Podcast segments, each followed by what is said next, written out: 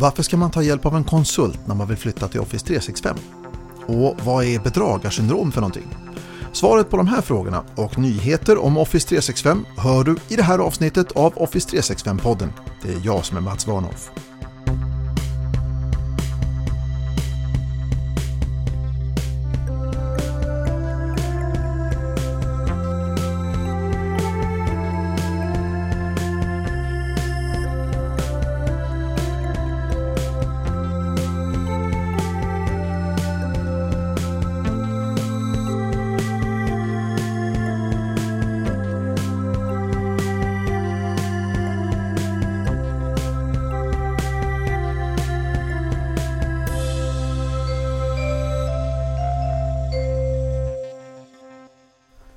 Att flytta till molnet är lockande för många företag och det är med rätta. När du flyttar ditt data till molnet så öppnas många fantastiska möjligheter och du behöver inte längre bry dig om många av de arbetsuppgifter och ansvar som du har när du har egna servrar. Du kan nå ditt data från den plats där du väljer att jobba idag och dina processer går att förenkla med hjälp av automation. Men ändå så är det många som fastnar och hamnar i ett läge där det är mer förvirring än förbättring och det hjälper inte alltid att ta hjälp av erfarna konsultföretag, för hur duktiga de än är så behöver de din hjälp med minst två saker. Ditt engagemang i molnflytten och din förståelse för ditt eget data och dina egna processer. Min erfarenhet är att en molnflytt ska hanteras i faser, precis som vilket projekt som helst. Jag brukar ibland jämföra med att byta lokaler. Hur man genomför flytten beror ibland på anledningen till flytten om man flyttar på grund av att huset har brunnit eller är fallfärdigt och man har en farlig situation, ja då måste man förstås flytta så fort som möjligt och sen försöka sortera och fixa efterhand. Men i de allra flesta lokalbyten så har man mer tid på sig att fundera, planera och visionera innan flyttkartongerna plockas fram. Den första fasen, visionsfasen, ja här funderar man ju på vad man vill uppnå med flytten. Jag brukar ta avstamp i de existerande affärsprocesserna att börja med de mest affärskritiska processerna och deras beroenden. Min vanligaste fråga som konsult är varför? Och det här är ju för att förstå. Och när de viktigaste processerna har kartlagts har ofta både jag och du lärt oss en massa om ditt företag. Och mitt tips till dig som tar hjälp av en konsult är att inte vara rädd för att säga att du inte vet. Vi hjälps åt att ta reda på det tillsammans. Ibland ska vi hålla visionerandet hemligt och ibland ska vi engagera delar eller hela personalen i den här fasen. Nu när vi har ett lite mer förtroendeingivande grepp om nuläget så ska vi tillsammans bygga nya digitiserade sätt att nå samma mål och ibland nya mål. Ibland kan man ta hjälp i visionerandet genom att till exempel genomföra någonting som Microsoft kallar för CIE eller Customer Immersion Experience. Då sitter företagets intressenter tillsammans med en facilitatör och under en hel eller halvdag så testar man lösningarna i på förhand valda scenarier. Under nästa fas, planeringsfasen, ja då ska vi börja sätta tidsmål och milstolpar. Vi planerar grova kommunikationsplaner och utbildningsplaner. Det är här som det blir ett projekt av det. Och nu börjar det bli hög tid att ta en titt på ditt data. Hur ser det ut? Hur är det organiserat? Många gånger behöver man städa, gallra och rätta till felaktigheter. Den här fasen, städfasen, är viktigare än du tror. Beroende på hur länge ni har varit verksamma så kan det här vara ett stort och betydande jobb.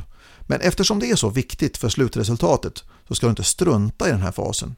Precis som när vi byter lokaler så måste vi inte ta med en massa saker av nostalgiska skäl. Men vi får å andra sidan inte missa att ta med saker som måste med av juridiska eller affärsmässiga skäl. En sak som många glömmer är att städa i sin användarkatalog. och här är det många som upptäcker skelett i garderoben.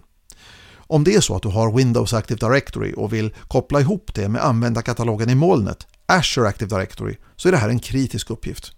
Man brukar hitta fungerande konton för före detta anställda och konton till konsulter som inte längre har något uppdrag och annat gammalt mög som vi i Skåne brukar uttrycka det. Det är dags att städa upp och vädra ut. Det här ska helst vara klart innan vi börjar koppla ihop katalogerna med Azure AD Connect. Såklart måste man ha någonstans att flytta till.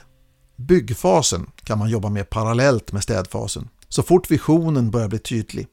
Bygget är ofta iterativt, det vill säga att vi bygger, testar, ändrar, bygger om under en tid. Och här är det kanon om du kan släppa in en grupp utvalda slutanvändare så de kan komma med feedback.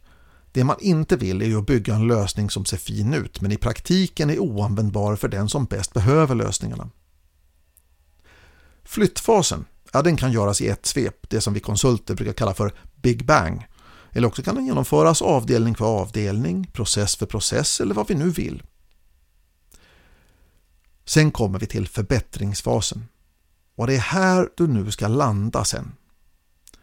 Att ständigt förbättra, nyttja ny teknik och så vidare. Det låter som mycket jobb men det blir nästan alltid mycket bra om det görs rätt. Men glöm inte att du är i en ständig förbättringscykel när du har flyttat. Du behöver nu se hur Microsofts ständiga förbättringar av Office 365 kan ytterligare driva digitiseringen av dina affärsprocesser. Igår, den 20 oktober 2019, så tog Rosengård FC guld i damallsvenskan. SVTs Jane Björk kommenterade att det därmed är dags för vad hon kallar för ett krismöte. Det är en utmanande balansgång att vara nöjd och ändå inte, säger hon. Jag kan bara hålla med.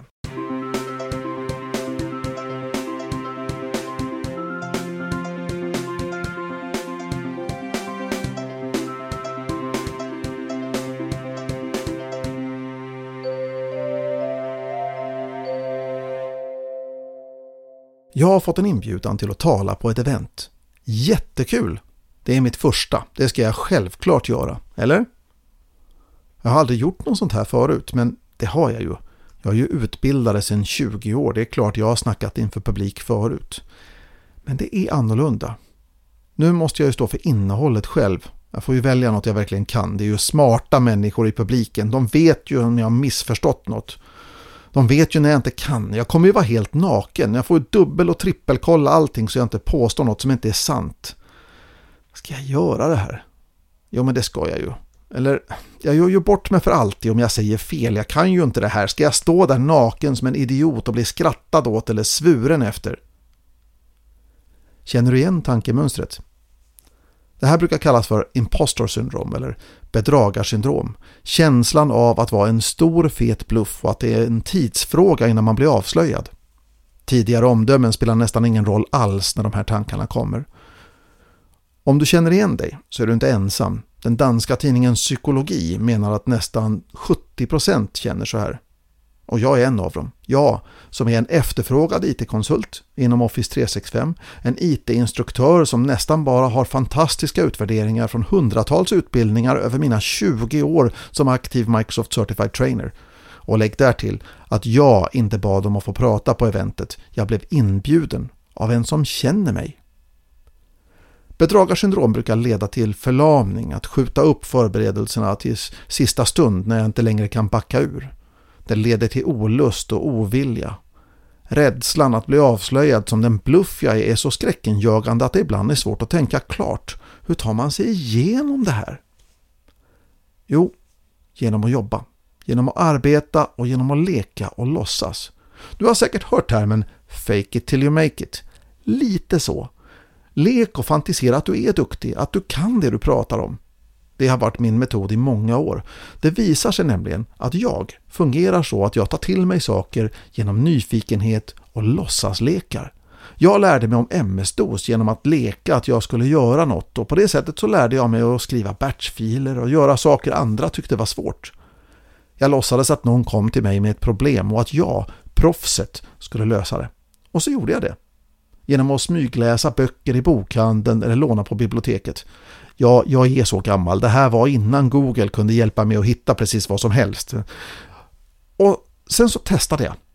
Jag tänkte på hur de riktiga proffsen gjorde saker och ting. Och så lekte jag att jag var ett proffs och gjorde på samma sätt. Fast de riktiga proffsen behöver ju förstås inte läsa på. De kan ju saker på riktigt. Med tiden så blev min kunskap ganska stor. Men redan första gången någon bad mig göra något på riktigt så kände jag att de borde ju ha frågat någon som faktiskt kan. I'm not a real doctor, I just play one on TV. Men jag lekte vidare och sa ja, visst och fixade det de bad mig. Den här leken har givetvis bitit mig i rumpan några gånger när jag tagit mig vatten över huvudet och sagt ja till saker som jag inte klarat av. Och det blev då naturligtvis beviset på att jag inte kunde någonting egentligen. Men jag kunde ju alltid fortsätta leka. Idag vet jag att riktiga proffs både läser på och misslyckas. Det är en del av livet att utmana sig själv. Att våga stå där, naken som en idiot och riskera att det finns någon som sitter där i publiken som vet mer än du. Som du nu får möjlighet att lära dig av. Och då växer din kunskap och du växer som människa. Så, nu ska jag låtsas att jag är ett föreläsarproffs och hitta fyndiga skämt att väva in bland intressanta och tänkvärda beskrivningar inom mitt ämne. Jag ska ta fram en proffsig och fin presentation. Jag ska välja snygga föreläsarkläder och dubbel och trippelkolla alla fakta. Och så ska jag känna panik, pepp och prestationsångest. Precis som proffsen.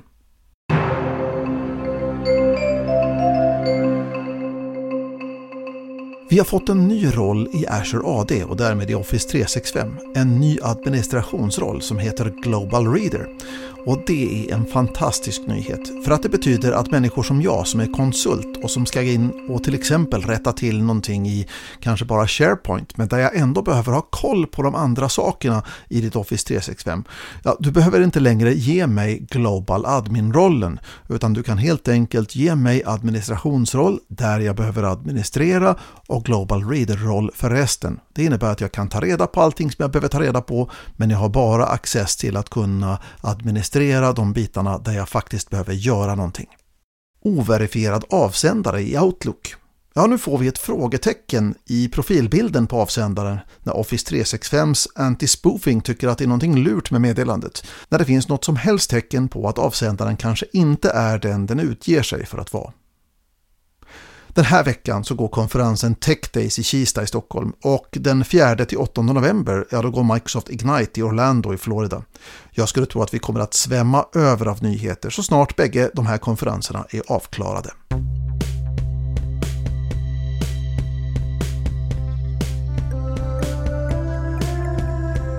Och det var allt vad vi hade att bjuda på i det här avsnittet av Office 365-podden.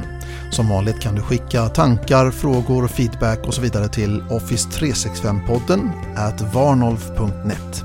Ha en riktigt trevlig vecka. Vi hörs igen. Hej!